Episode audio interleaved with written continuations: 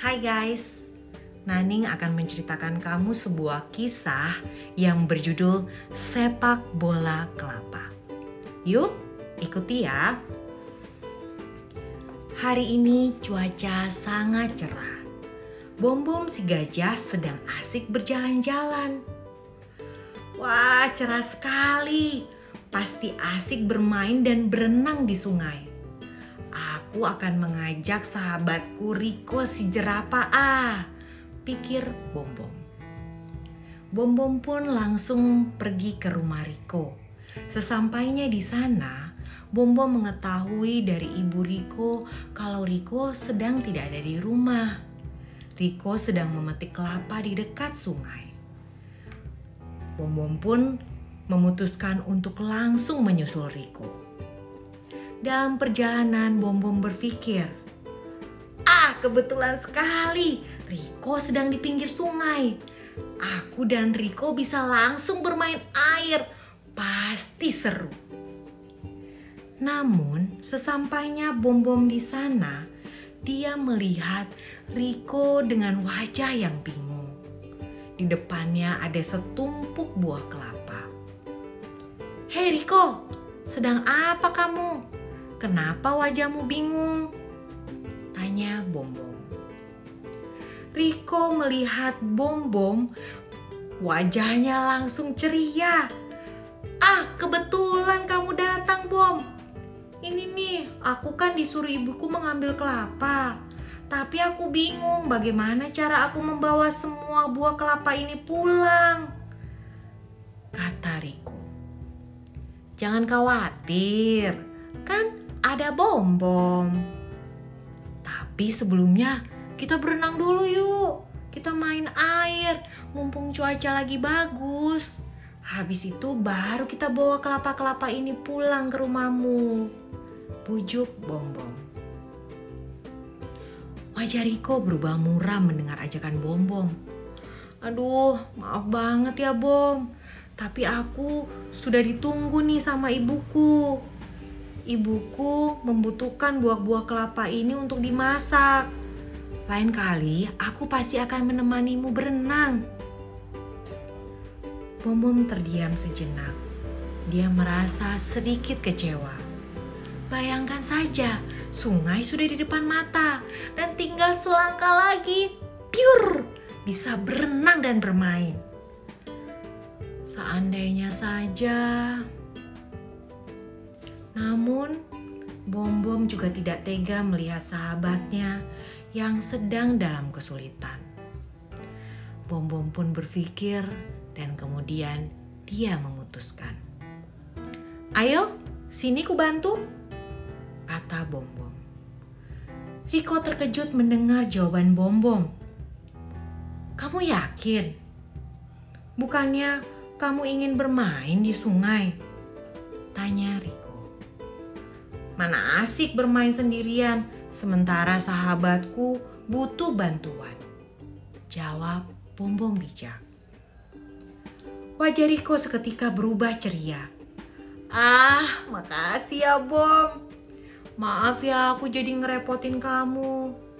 Eh tapi ini gimana cara bawa buah kelapa ini? Bom Bom berpikir sejenak dan dia mendapatkan ide cemerlang. Aha, aku ada ide. Daripada membawa kelapa ini satu persatu ke rumahmu, itu butuh waktu lama. Lebih baik kita gelindingkan saja. Kulit kelapa kan keras, jadi tidak akan rusak. Kita bisa membawa semua kelapa sambil bermain sepak bola. Bagaimana? Bagus tidak ideku? Kamu memang cerdas, Bom. Kalau begitu, ayo kita mulai. Saud Riko penuh semangat. Bom Bom dan Riko langsung beraksi. Mereka menggelindingkan kelapa-kelapa itu dan mulai menendangnya seperti layaknya bermain sepak bola. Seru sekali. Bom Bom dan Riko tampak sangat menikmati bermain sepak bola kelapa. Sampai akhirnya mereka tiba di rumah Riko. semua buah kelapa sampai di rumah Riko tanpa kurang satupun. Keduanya terlihat sangat kelelahan, namun mereka sangat bahagia. Kedatangan mereka disambut Ibu Riko dengan senang. Wah, anak-anak, terima kasih banyak ya. Kalian datang tepat waktu. Ibu jadi tidak terlambat memasak. Sambil membawa kelapa-kelapa itu masuk ke dapur, Riko berkata, "Bom, makasih banget loh ya. Sekali lagi aku minta maaf Gara-gara aku kamu gak bisa jadi main air. Dengan tersenyum Bom Bom berkata, Tidak apa-apa, aku senang bisa membantumu. Lagi pula, ternyata main sepak bola kelapa itu seru juga ya Rik. Iya, seru banget. Lain kali kita ajak temen-temen yuk. Makin rame pasti makin seru jawab Riko. Tak lama kemudian, Ibu Riko keluar sambil membawa sari buah kelapa yang segar. Untuk anak-anak yang baik hati dan jago sepak bola kelapa, Ibu siapkan sari buah kelapa segar. Ayo, diminum ya. Bom Bom dan Riko langsung menikmati. Ah, nikmat sekali. Bom-bom tersadar. Ternyata dengan bersikap tidak egois dan mendahulukan kepentingan orang lain, dia mendapatkan banyak hadiah. Pertama, perasaan senang menolong orang lain, apalagi sahabat sendiri.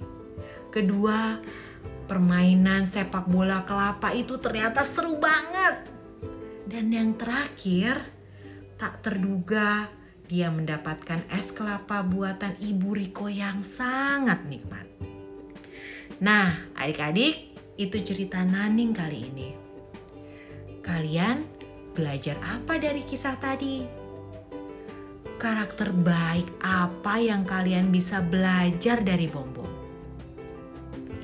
Naning kasih tahu ya karakter peduli terhadap orang lain, tidak egois, punya rasa kasihan atau berbelas kasih, dapat diandalkan, cerdik, dan tentu kreatif.